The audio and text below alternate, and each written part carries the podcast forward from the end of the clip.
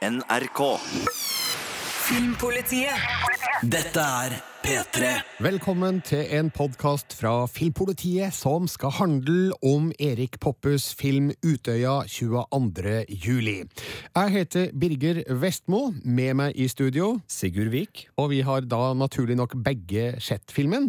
Jeg så Utøya 22. juli på filmfestivalen i Berlin for snart tre uker siden, og det er en sånn film jeg er litt usikker på om vil jeg egentlig se den på nytt. Skjønner du det, Sigurd? Det skjønner jeg veldig godt. Jeg var uh, litt sånn sjøl. Jeg så den på ei pressevisning her i Trondheim.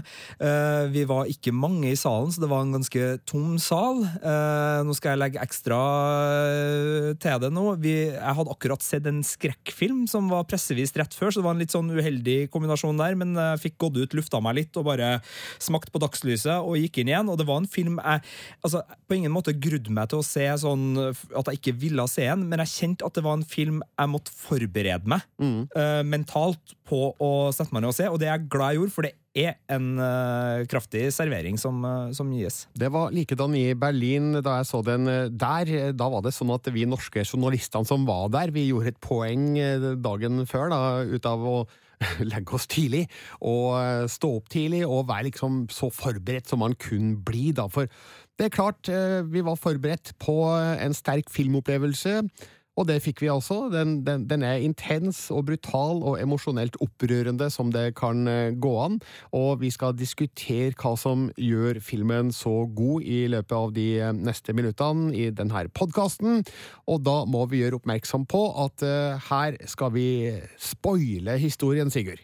Det skal vi, og det her er jo ikke en film hvor på en måte tradisjonell spoiling er et problem, men for de uh, som hører på, som har lyst til å gå inn og se den filmen her uten noe som helst eh, kunnskap om hvilken type film Erik Poppe har laga av det her, så kan det være lurt å komme tilbake til denne podkasten, for vi kommer til å snakke ganske inngående om eh, detaljer, og, og både i handling og, og i det filmatiske. Men eh, for de som enten har sett filmen, da, eller tåler å, å høre det i forkant og vil ha det med seg inn, så er det bare å være med oss videre, for nå går vi litt uh, nerdete og ganske analytisk til verks på denne filmen, som vi kan avsløre allerede nå, Birger, fikk terningkast seks av Ja. Filmpolitiet. Ja, det er ingen hemmelighet. Det er en ekstremt eh, gripende filmopplevelse. Eh, Det er jo mye på grunn av eh, det den er basert på, nemlig virkeligheten. Og eh, nå er manuset av Anna Bakkevig og Siv Rajendram Eliassen basert på dybdeintervjuer med overlevende fra Utøya, men figurene i filmen er fiktive. Og det er nok et veldig smart grep for å gjøre historien eh, jeg skulle til å si eh, overlevbar for eh, oss som er kinopublikum. Det tror jeg, altså først og fremst fordi eh, pårørende og eh, overlevende og alle Det, det ville ha vært veldig Jeg vet ikke om belastende riktig ord her, men jeg, men jeg la meg nå bruke belastende enn så lenge, og, og skulle ha forholdt seg til å ha sett konkrete historier om navngitte. Så, så måten Erik Poppe har gjort det på, med å, å ta tak i hendelsene som har skjedd. Jeg tror researcharbeidet her har vært øh, veldig omfattende og, og grundig, og, å iscenesette det er et valg som jeg syns gir øh, han mulighet til å lage den filmen han har laga, for han har laga en film der han tar publikum med inn i opplevelsen til de som var på øya, og, og da tror jeg det er den øh, beste måten å gjøre det på, et øh, godt valg. Skal vi bare si med det samme, Birger, at uh, vi har også møtt uh, Erik Poppe, eller jeg har møtt Erik Poppe under Kosmorama her i Trondheim, så etter vi har prata om filmen nå, så skal dere få høre Erik Poppe prate om øh, filmen, hvor han annet snakker om øh, det her researcharbeidet og en del andre ting rundt det, det filmatiske. Men først så skal vi, vi ta praten om det som mm. filmtittere. Eh, hva tenker du om de rollefigurene vi, vi møter? Ja, altså, de er jo da fiktive, men eh, de virker veldig troverdige. Altså som den typen ungdom som kanskje befant seg på Utøya eh, under den virkelige massakren. Eh, Det er politisk engasjert ungdom, men ikke bare. Noen er der for å være sosiale, en av figurene eh, avslører jo underveis at eh, han er der bare for å sjekke damer. Og eh, det er en miks av vanlig ungdom som plutselig befinner seg under helt ekstreme omstendigheter. Så nei, de er kanskje ikke basert på virkelige mm, personer, men det virker som, som figurer man kun har funnet der, og som har høy troverdighet, føler jeg. Jeg liker også jeg liker det spennet mellom at vi får eh, sånn som vår hovedperson Kaja, spilt av Andrea Berntsen, som er veldig politisk engasjert, uh, er en person som kjenner veldig mange av de som har vært der. Tydelig en mm. veteran som kan uh, både det sosiale og det geografiske godt. og rundt henne da så har man alt fra søstera som har blitt med litt sånn nesten mot sin vilje, kan det virke, og man har disse, som du sier, som er der mest for, for moro skyld. Man ser liksom EU-flagg eh, e i, i bakgrunnen, så det er tydelig at det er litt ulike fraksjoner kanskje innad, mm. også politisk. Og så ja. har man det litt sånn veldig gjenkjennelige festivallivet da, med alle disse teltene som, som er der. Og eh, jeg synes det, de, jeg var litt usikker i starten av filmen på at det ble litt sånn norsk skolefjernsyn. holdt jeg på å si, altså At det ble litt sånn konstruert eh, drama når de skulle starte, men det, det kom seg veldig fort inn i en, en verden som man øh, både kjenner seg igjen i og, og tror på. Men Erik Poppe bruker jo jo ikke så lang tid på å etablere miljøet, fordi det begynner å skytes ganske raskt. Men på den korte tida så så får vi etablert uh, miljøet på en tilstrekkelig måte til at vi, vi, vi, forstår at ja, det her er Utøya. Altså, filmen er jo ikke filma der, men på en annen øy i Tyrifjorden. Men uh, rent uh, topografisk så, så, ligner det veldig på de bildene vi har sett da, fra Utøya. Og, og denne teltleiren og forsamlingshusene. alt virker veldig autentisk, sjøl om det nok går an å se at det ikke ikke er Utøya heller. Men det, det, er nært nok da, til at vi blir, vi blir tatt med inn i den uh, opplevelsen.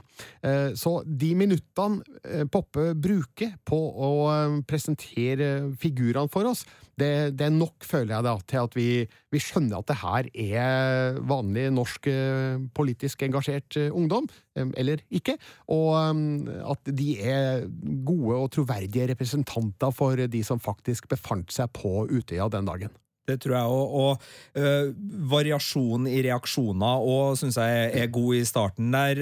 noen uh, er liksom i, i, lett fornektelse og tenker det her er en øvelse, det her, altså det, det her kan ikke være noe, eh, mens andre går raskere eh, inn i antagelsen om at det er terror. For filmen starter jo med et kort, kort anslag eh, fra regjeringskvartalet som viser oss det som skjedde der, og som gjør at også ungdommen er klar over at det er en, et mulig terrorangrep mot ja. Eh, Norge. Og det vil jo gjøre da at eh, reaksjonsmønstrene deres også er, er ulike. Noen tenker det var en gasseksplosjon, det der er ingenting å bry seg om. Det, ja. Mens andre går raskt inn og, og, og skjønner vel alvoret av situasjonen ja. også raskere når det da inntreffer. De tenker jo omtrent de samme tankene som vi andre gjorde da de meldingene kom fra Oslo om at det hadde vært en eksplosjon. Uh, og uten at de selvfølgelig hadde noe som helst anelse om det som var i, i vente. Men uh, når uh, skytinga starter og de rømmer ut i skogen, så får vi jo se hvordan de er forvirra og rådville og, ja, som du sa, litt, en liten grad av fornektelse der. og er det en øvelse? Det må jo være det, for sånt skjer jo ikke her. Og jeg syns at eh, Poppe gjør en god jobb med å skildre den uh, forvirringa som råder, og uh, hva skal man egentlig gjøre? Og når de innser alvoret, eh, den helt forferdelige situasjonen de befinner seg i, og, og hvordan de skal komme seg ut av det. og en interessant ting vi må ta med her, er jo det som foregår helt i starten av filmen etter klippene fra Oslo, når kameraet er på Utøya, og um, Kaja, som du nevnte, spilt av Andrea Berntsen, ser rett inn i kamera og sier noe sånt som at ingenting av det vi skal se, vil gjøre oss i stand til å forstå. Altså, Vi kommer aldri til å forstå noe sånt, sier hun. Og uh, det viser seg jo at uh, hun snakker med mora si på telefon, og at det handler om helt andre ting. Men uh, det er jo en melding da fra filmskaperne til oss ute i publikum at uh, det vi kommer til å se de neste minuttene, uh, det er forferdelig og det er grusomt, men vi kommer ikke til å forstå akkurat hvordan det var å være der. Det er nok uh, helt riktig, og filmen har jo valgt å legge seg på en fortellerstruktur og en fortellerstil som allikevel prøver å få oss til å skjønne hvordan dem som var der, hadde. For det er en film som bruker både uh, tid og lyd til å ta oss med inn i opplevelsen på en ganske spesiell måte. Fra det her skjer, så uh, varer vel angrepet i 72 minutter, og vi er med i de 72 minutterne. Det er ikke noe klipping i hopping i, i tid her, sånn som det. Det, skal, det framstår, selv om det er filma over flere dager, som én tagning. Ja. Eh, og likedan så er det ikke en film som har med eh, terroristen uh, eller den høyreekstreme og den inntil videre navnløse personen. den bare skildrer hvordan de opplever den personen uten å vite hvem det er. Altså, det er politi, det er politiet som skyter, ja. og vi hører lyden av skuddene, og vi skjønner forvirringa. Det er liksom der vi, vi er inne i. Det er ikke noe mer forklaring eller noe mer kontekst. Og det grepet med å la kameraet henge på hovedfiguren gjennom hele filmen I anmeldelsen min så har jeg jo trukket en parallell til Souls Son, den ungarske filmen som vant Oscar, og som var min favoritt fra det året den kom. Jeg husker ikke i farta hvilket år det var. Men eh, der òg eh, henger jo kameraet kameraet på hovedfiguren hele veien. Vi kommer utrolig tett på, samtidig som det forferdelige som skjer rundt i både Souls Sun og Utøya 22. juli, det skjer i periferien, altså i billedkanten. Vi, vi, vi, vi ser aldri eh, det omfanget av, eh, av massakren på Utøya, men vi, hører det. Og vi ser små glimt av og til, som gjør at eh, vi kanskje aner hvor grusomt det her er. Nå veit vi jo i virkeligheten eh, hvordan eh, det utarta seg, men filmen kan jo ikke vise det. Fordi de drapene som foregikk på Utøya, det hadde vært altfor grusomt å vise i en eh, kinofilm. Det, det, det, kunne nok vært mulig å lage det, men jeg veit ikke om det hadde vært mulig egentlig å vise det i Norge. I hvert fall ikke nå. Nei, men du er inne på noe, Det er en massakre her, men filmen er eh, veldig lite voldelig til å være uh, voldelig, for den er, den er, absolutt voldelig. Men, og det her uh, kommer Erik Poppe til å snakke om litt hvis dere hører eh, podkasten ut, for det her var, var noe vi, vi spurte ham om da vi møtte ham. Men det han trekker fram der, og, og som også jeg tenker at uh, kunnskapen om det som skjer, uh, følger vi jo gjennom de som opplever det. Og den kunnskapen er veldig fragmentert og lite, og deres opplevelse av det er også mye lydbasert. Og, og de, de, gjemmer seg. De, de har lite uh, informasjon, både når det gjelder ut, altså hva de ser og, og, og, hva de hører. Og det er jo den biten filmen søker å ta oss med inn i. Og, og som Poppe snakka om, det var den opplevelsen han hadde fått ut av researchsamtalene med dem òg. Det var sånn de opplevde det. var den usikkerheten, det var den uh, lydsida som var så dominerende. Så jeg skjønner veldig godt at han har gjort det, og jeg syns han har løst det på, et, uh, på, en måte som både, som du var inne på, gjør at vi slipper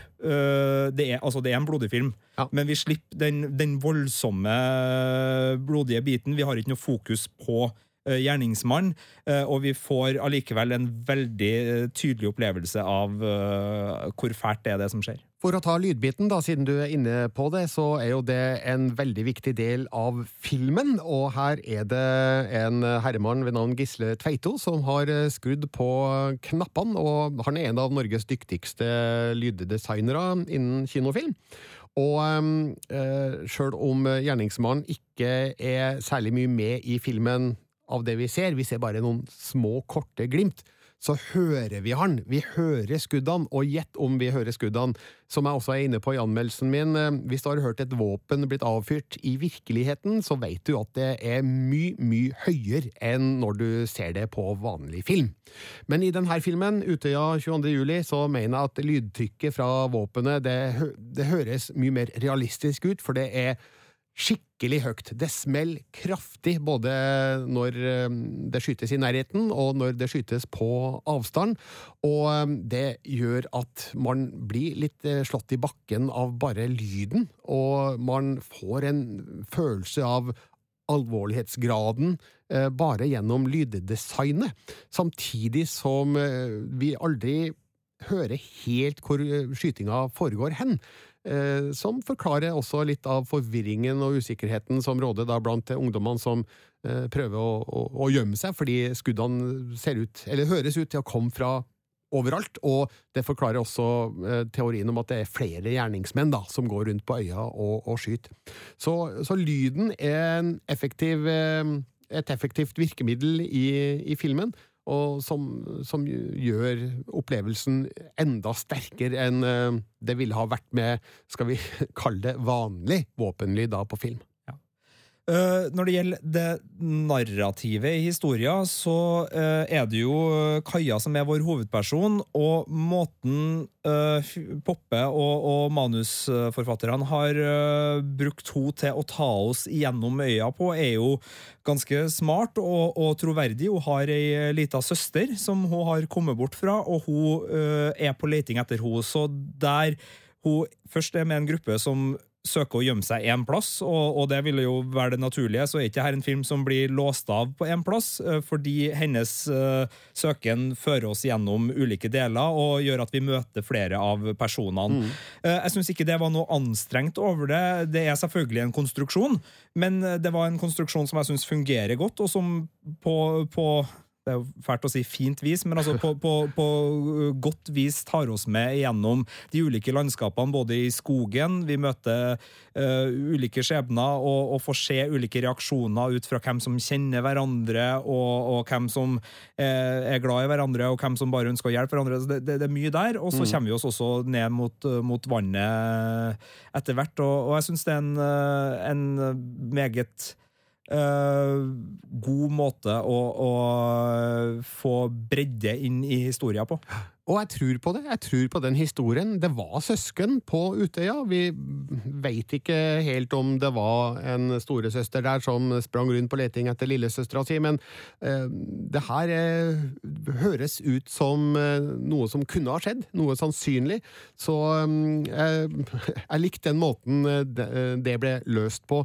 Samtidig likte jeg også introen av søskenparet, fordi vi ser jo Kaja Eh, snakke med Emilie i eh, et telt i starten, og det er ikke noe god stemning der, fordi eh, de må komme litt på kant med hverandre, og det er ikke noe hyggelig søskenprat, og de skilles som uvenner.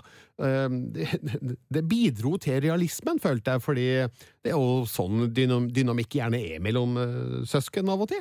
Det er det, og den bruker også terroranslaget fra Oslo på en uh, måte som gjør at det blir gjenkjennelig, og som tar oss litt med inn i kanskje vår egen opplevelse av uh, starten på en situasjon, fordi den umiddelbare reaksjonen når noe fælt skjer, for mange er jo å tenke sånn ja, ja, men kanskje det ikke er så ille.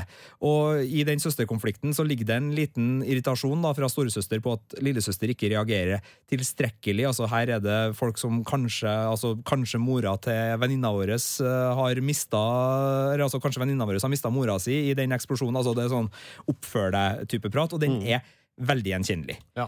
Veldig gjenkjennelig. Så, så jeg syns det var en fin måte også å bake inn det elementet i filmen på, uten at den uh, sies veldig uh, sånn uh, tydelig, eller Ja, det var bare en, en fin nyanse i det hele. Og så har jo Uh, lillesøster og storesøster en genser som de i utgangspunktet ikke deler så ofte, tror jeg, men det er i hvert fall en genser som lillesøster låner. Og det er en genser som blir viktig, fordi det er mange mennesker, og det er kaotisk, men den genseren får et eh, poeng på slutten eh, som eh, også gir både litt sånn punktering og, vemod. Ja. ja. og det brukes også en, en jakke i, i, filmen, så, så, det er noen sånne grep òg som jeg syns fungerer godt fra, fra Poppe og, og, gjengen som har laga denne filmen, ja. på å ta oss litt inn i, i det personlige, sjøl om det er en større masse vi, vi føler. Mm. Eh, den aller viktigste ingrediensen, hvis vi kan si det, da, i denne filmen, er hovedrolleinnehaver Andrea Berntsen. Og bare så det er sagt, jeg veit ikke om jeg har sett maken til debut fra en skuespiller noen gang. I hvert fall ikke i Norge, for hun imponerte meg utrolig stort med sin rolle som Kaja. Uh, hun uh, må over et ekstremt følelsesspekter. Helt fra den glade likegyldigheten, nær sagt, i begynnelsen, og til den helt vanvittige frykten og sorgen som kommer seinere. Og hun gjør alt med stor troverdighet. Jeg vet ikke helt uh, hva Erik Poppe har gjort for å instruere hun så god, men uh, her har vi å, gjøre med et uh, stort, stort talent. For her er det noen scener som må ha vært ekstremt vanskelige å spille inn, men som Andrea Berntsen løser vanvittig godt. de var jo på denne øya under innspillingsbiten eh, over en lengre periode, og jeg tror også de hadde med seg overlevende fra Utøya.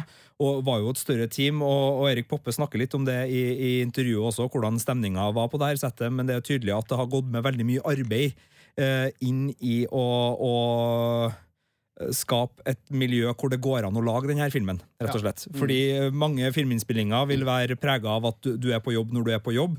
Uh, stikk dit, ferdig, osv., osv. Skal ikke jeg være ekspert på hvordan det er på filminnspilling, bestandig, men, men uh, her er det tydelig at uh, både de som står bak filmen, og de som har vært med og støtteapparatet rundt, har gjort en, i hvert fall sånn som vi vet nå, god jobb med å passe på de som er med, for det må jo være en ekstrem påkjenning. Det her er unge skuespillere som er født både på tidlig 2000-tall og, og sent 90-tall, som, som, står i det her. Og det var vel fem dager med, med tagninger, der det var én tagning av filmen hver dag jeg bare ser for meg sjøl at det må være litt av en, en, påkjenning, men eh, det er tydelig at de har fått, fått, det der til å gå bra. Jeg vil også trekke fram eh, Alexander Holmen, en eh, skuespiller fra Rogaland, som har en etter hvert framtredende rolle i samspill med Kaja, som jeg syns gir en lunhet og en varme til, til filmen, som jeg kjente at ja, uh, gjorde meg både litt rørt og, og, og, gjorde at jeg følte at rollegalleriet ble bygd ut på en fin måte, uten at det ble en, en rollegallerifilm. Så, så, så, tok han det fint inn, syns jeg. Ja, for Han spiller Magnus, som er den jeg nevnte tidligere i podkasten her. Uh, han er på Utøya for å sjekke damer, og så blir jo situasjonen en helt annen, selvfølgelig, men mot slutten av filmen så finner har og Kaja Kverner igjen, og uh, spoiler alert, eh, men uh, det har vel kanskje alle skjønt nå.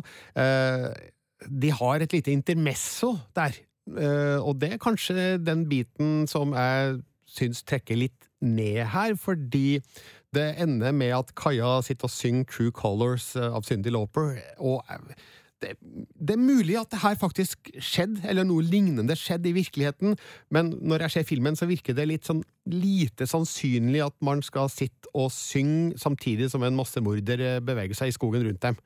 Eh, men ok, det, det er en fin scene, og eh, teksten i True Colors gir jo hele scenen og, og, og filmen en, en, ny dimensjon, eller en annen dimensjon, eller en videre dimensjon.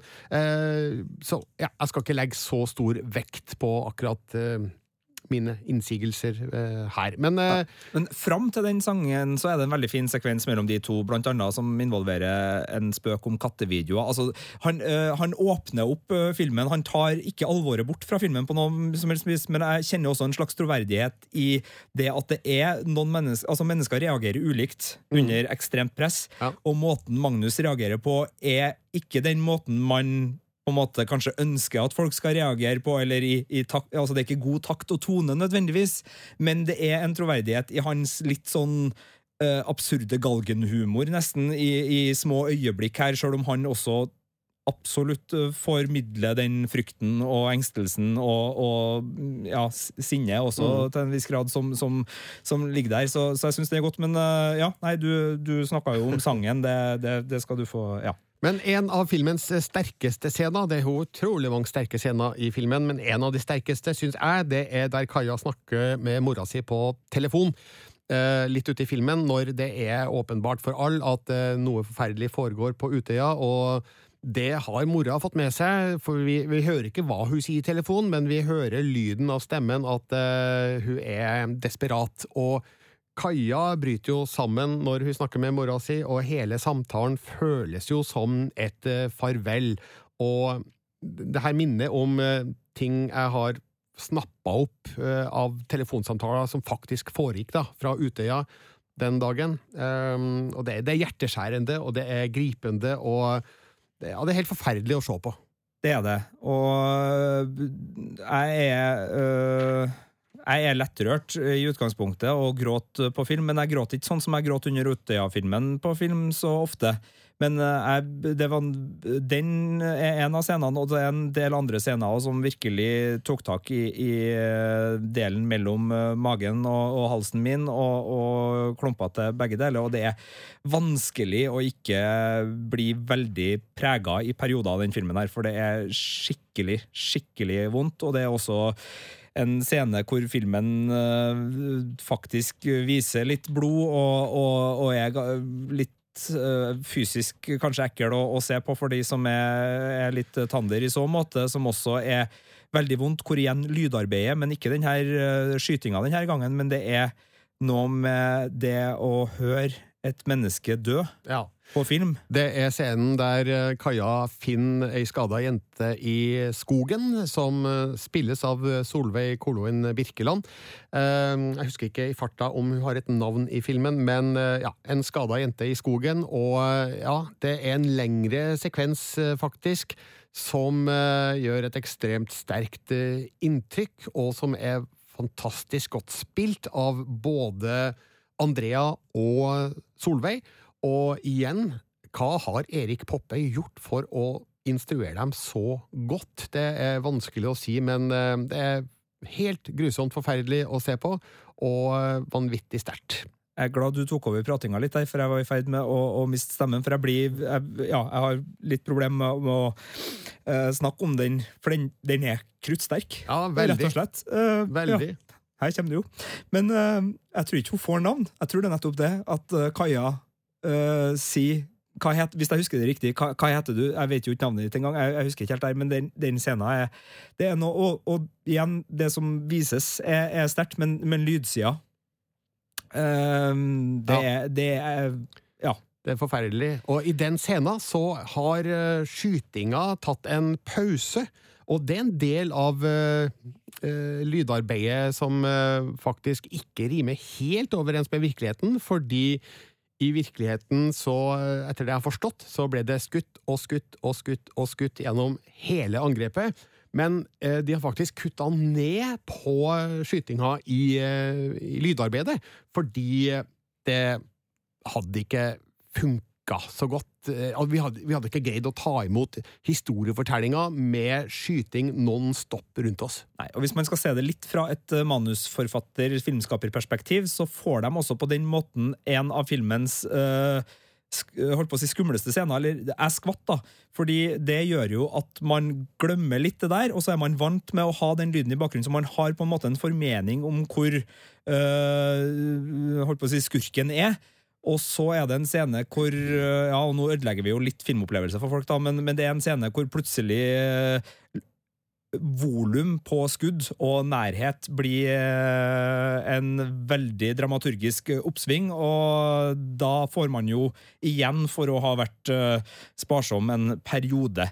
Eh, ja. Så, så, det er jo klart at selv om det her er en film som ønsker å ta oss med inn i opplevelsen, og jeg tror Erik Poppa kalte det en slags antifilm, det har han på mange måter rett i. Samtidig så er det jo ingen tvil om at det her er en film som bruker dramatiseringas uh, muligheter for å skape en historie som Eh, sette føringer for hvordan vi skal oppleve historien, og som gir oss noen, eh, noen spenningstopper og noen spenningsflater eh, som gjør at vi kan både ta inn over oss søte og, og gode øyeblikk, men også oppleve det voldsomme med, med maksimal effekt. Så det er absolutt en, en film som er laga som en film på den måten. Det er altså en fryktelig sterk film, hvis du ikke har skjønt det før eh, nå. Og eh, i anmeldelsen min så skrev jeg at den kunne kanskje aldri vært anna, gitt hendelsene den bygger på. Men eh, jeg skal egentlig bare gå tilbake på det, for det kunne ha gått skikkelig feil å lage en film basert på Utøya-massakren. Det kunne det, og jeg uh, det her har vi snakka litt om på kontoret, og har vel kommet fram til i hvert fall at jeg er glad at det her var den første filmen som kom av det som nå blir flere både filmer og, og serier. Det kommer en uh, amerikansk film uh, regissert av Paul Greengrass som skal hete Norway, som kommer om Utøya. Det kommer en svensk dokumentar som heter Er det Reconstructing Utøya, eller Utøya Reconstructed? Litt usikker der.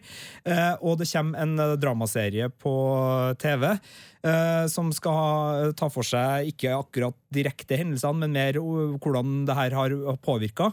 Og jeg tenker at spesielt Nå er jeg glad i Paul Greengrass, og jeg tror han også kommer til å ha, ha ærefrykt for materialet, hvis man kan bruke et ord som ærefrykt her. men der tenker jeg vel kanskje at underholdningselementet vil være sterkere til stede enn det var hos eh, Erik Poppe. Eh, Det er i hvert fall en mulighet for det, og jeg tenker det å få en film som det Poppa har laga, som er såpass nedpå og Ja, la oss nå bruke det ordet han bruker, da, en slags antifilm, med tanke på at han ikke prøver å underholde oss for enhver pris, men heller ønsker å vise oss hvordan det var, og gi oss en opplevelse, sånn at vi kan ha det som en felles uh, forståelse med, med både de som er pårørende, de som har opplevd det, og som nasjon. Så jeg tenker at et godt startskudd, så får vi jo se da hvordan de andre vil eh, bli.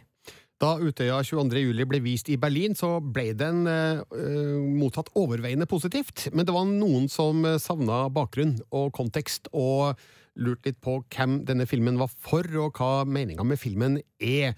Og ut ifra et utenlandsk eh, synspunkt så kan man kanskje forstå det, fordi man får veldig lite mm, foran og bak her i eh, filmen, men vi nordmenn har jo selvfølgelig et mye nærmere forhold til Utøya-massakren enn det utlendinger har. Vi, vi vet hva som skjedde, vi vet hva som har skjedd etterpå, og vi behøver ikke det i denne historien, for det Poppe har sagt om eh, målsettinga til filmen, er jo å eh, gi ungdommenes historie, for så mye har handla om andre ting etter eh, 2011. Det har handla om eh, eh, politiets responstid, og det har handla om rettssak og gjerningsmannens soningsforhold, og eh, ungdommene som befant seg på Utøya, har på en måte havna litt i bakleksa, da. Og som også skriver i anmeldelsen, så eh, For de av oss som ikke hadde noen på øya, altså jeg hadde ingen bekjente der, så eh, har terroren allerede begynt å bli et slags fjernt minne. For det er bare sånn det funker i hukommelsen vår. Ting som ligger seks år tilbake i tid. Det begynner å bli lenge siden. Så derfor har denne filmen en misjon ved å gi oss eh, ungdommenes eh, historie og hvordan det egentlig var for dem. Og det tenker jeg er en helt riktig måte å, å gripe an en sånn begivenhet på, når man skal prøve å, å behandle den kunstnerisk.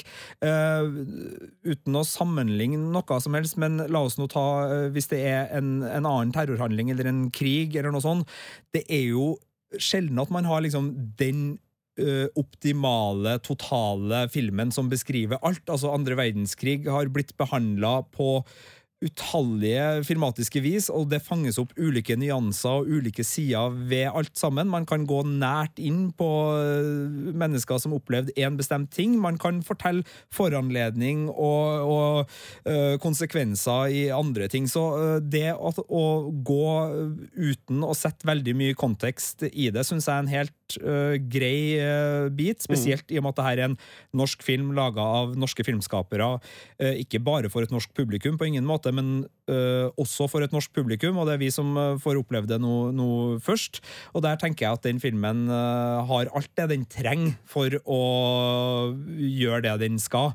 Så vil det jo komme flere uh, filmer av det her, det vil behandles på annet vis, man vil få et større kontekst, og det er jo også muligheter å, å gå inn i det på andre vis. Så jeg tenker den biten er, er fin, og jeg tror det er lurt av filmskapere og kunstnere å gå fullt og helt inn i det de ønsker, og ikke føle seg forplikta fordi materien dikterer at her bør det nyanseres og kontekstualiseres og, og, og gis mer.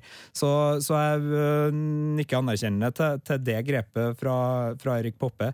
Eh, han er jo selvfølgelig øh, inne på det her når han snakker om filmen. Vi møtte den i forbindelse med Kosmorama her i Trondheim, hvor Erik Poppe var og viste filmen for publikum. Fikk et drøyt øh, minutter med regissøren i forkant. Eh, Skulle gjerne ha snakka mer med han, men det var det vi, vi rakk, for kinopublikummet må jo også selvfølgelig få, få truffet filmskaperen. Men da starta jeg jo med å spørre hva bakgrunnen var for at han ville fortelle akkurat denne historien.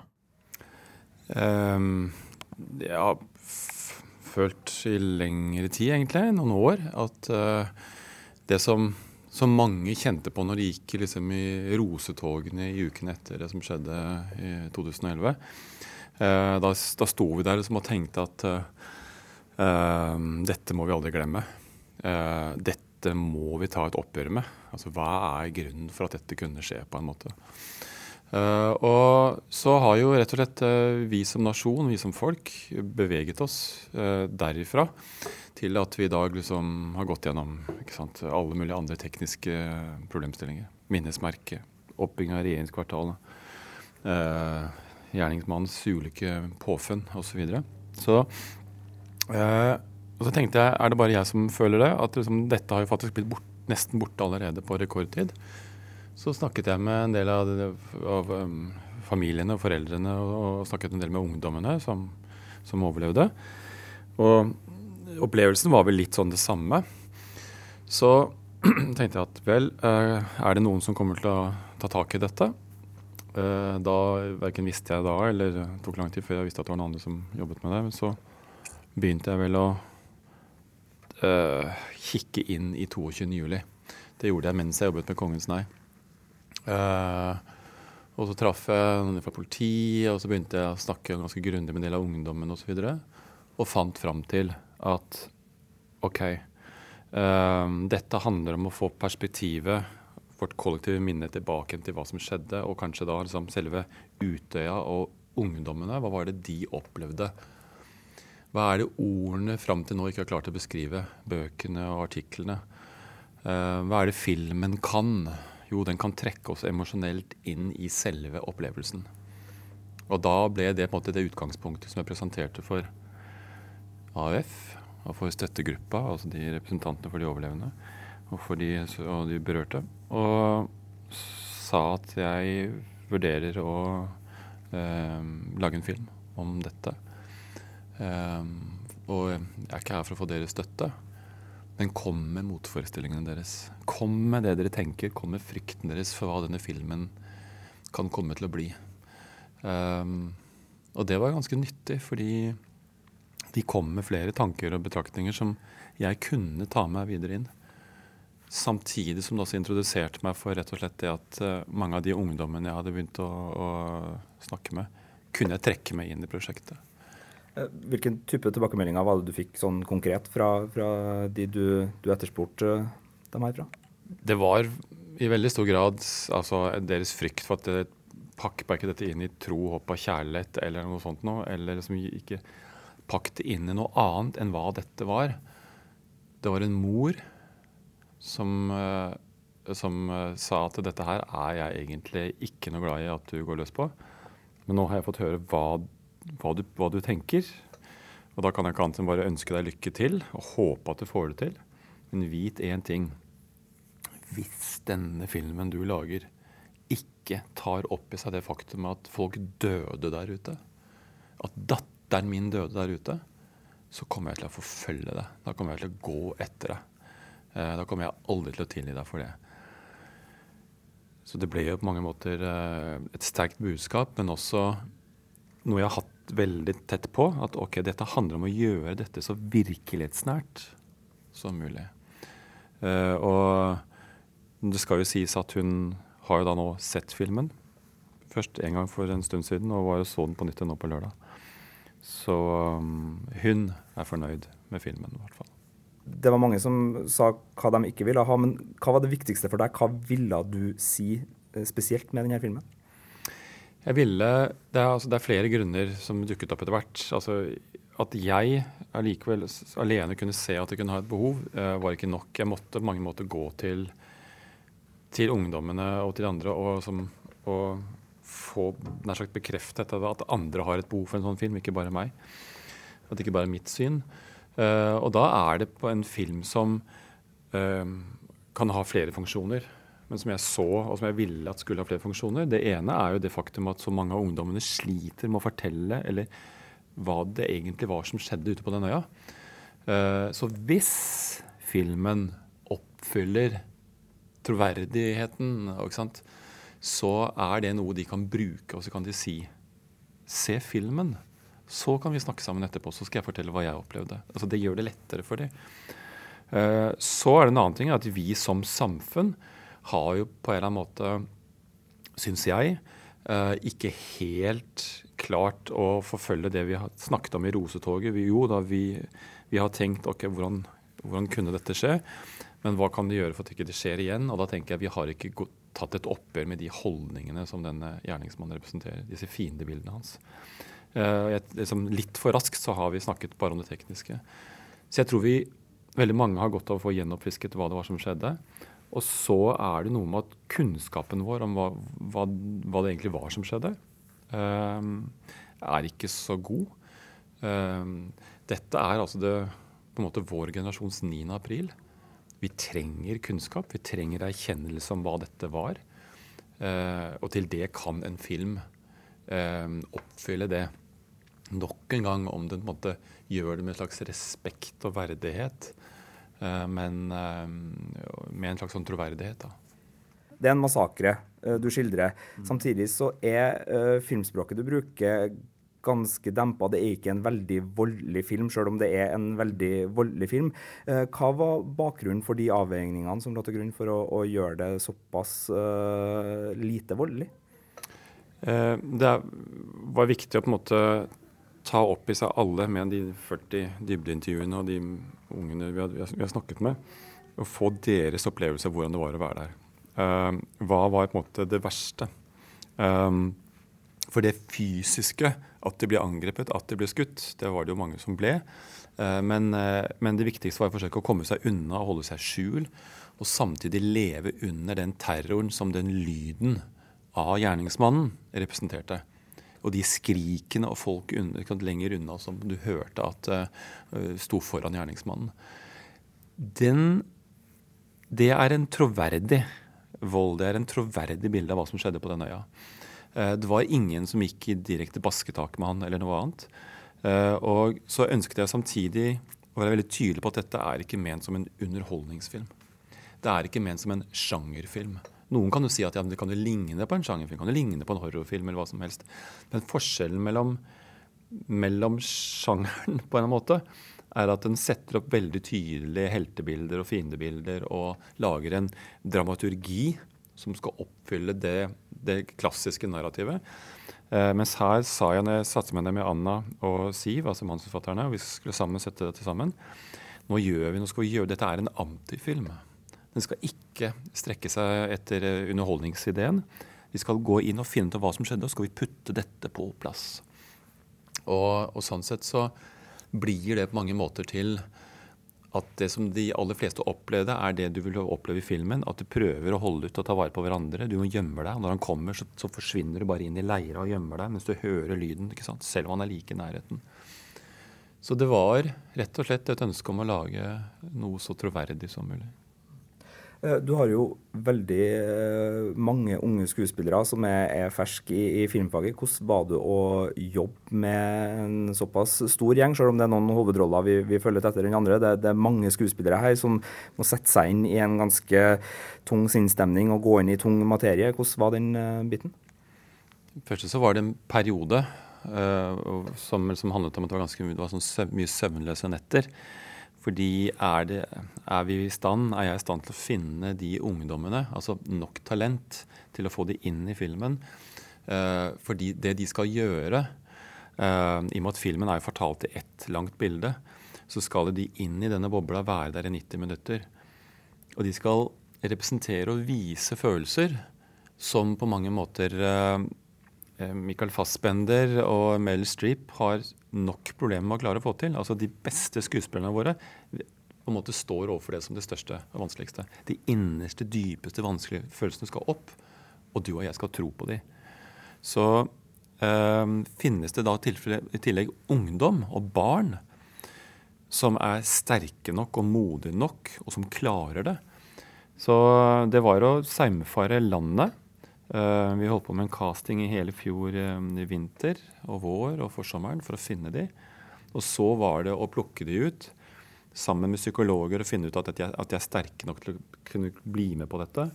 Begynne å jobbe med de. Og vi brukte hele sommeren på, på å bryte opp historien, sette dette sammen i biter. Og så til slutt utpå sensommeren på i slutten av august trekke det ut i øya.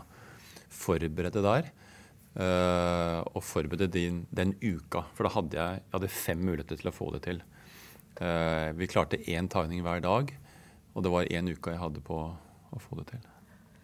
Hvordan er stemninga på settet i en sånn setting, når man har så mye ungdom samla, men har en tematikk da, og en historie som er så ja, fundamental vond for, for folkesjela? Det rare var at den var ganske sånn beherska. Alle kom dit og var veldig sånn full av både ærefrykt og respekt. Vi gjorde dette på Frognerøya, som er naboøya, ligger rett ved siden av. Du kan bare kikke rett over på Utøya. Um, den er helt prikk lik.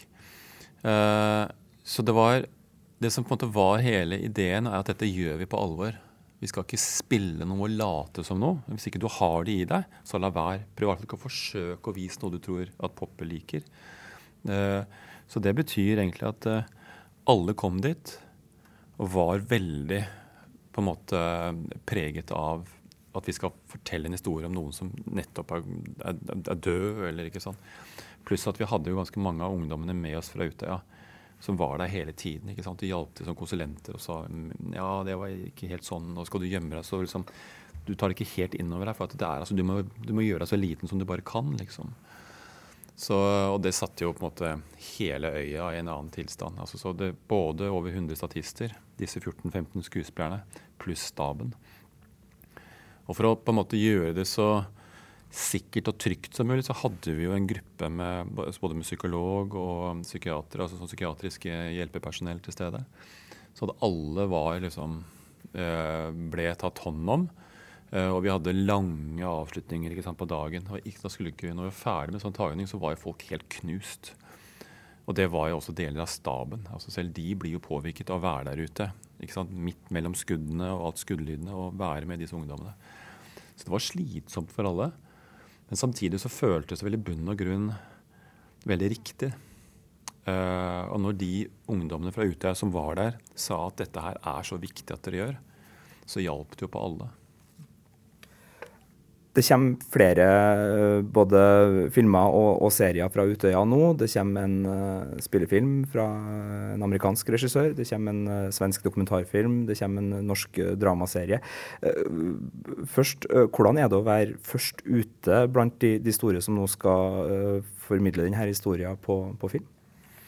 Vel, Jeg visste jo ikke mye om noen av de egentlig når jeg startet opp med dette. Etter hvert så fikk jeg vite at det var en, en, et NRK skulle ha en dramaserie. Da var jeg ganske langt i løpet. Uh, men at den skulle vel handle om alt annet enn selve begivenhetene. Mer om hvordan vi som folk tok dette. Så, og når jeg har hørt om de andre, så tenker jeg jeg tror egentlig de, jeg vet jo ikke mye om noen av de, men jeg skjønner at ingen av de handler om det denne filmen, Utøya-filmen handler om. Uh, så det er vel sannsynligvis Og det er veldig bra folk som står bak dem. Så jeg håper egentlig bare at dette kan samlet sett være ganske bra eh, bilde da, på hva som kan ha skjedd den dagen, og ulike folk kikker inn i det. Og jeg mener jo at min rolle som, som kunstner, kunstneres oppgave, er jo å gå inn i dette materialet eh, og ta tak i det. Og, og, og, og, på en måte få opp spørsmålene. Har det vært noen slags dialog mellom de ulike som driver med dette temaet, etter hvert som man har innsett at flere jobber med det samme, eller har det vært uh, hver for seg? Nei, altså Uh, at jeg nå er først ute, det um, Jeg tenker har, ikke, jeg har jo ikke forholdt meg til noe som helst uh, tids... Altså, vi, har hatt satt en framdrift og tidspunkt og bare jobbet helt stille og rolig og så grundig vi kan med det. Uh, nå på slutten så, så når filmen begynte å få på plass, så har jeg tilbudt til alle de andre å se filmen hvis de vil. Hvis det er noe de kan trekke veksler på og bruke. og de var det i grunnen ingen som ønsket det, og det har jeg stor respekt for.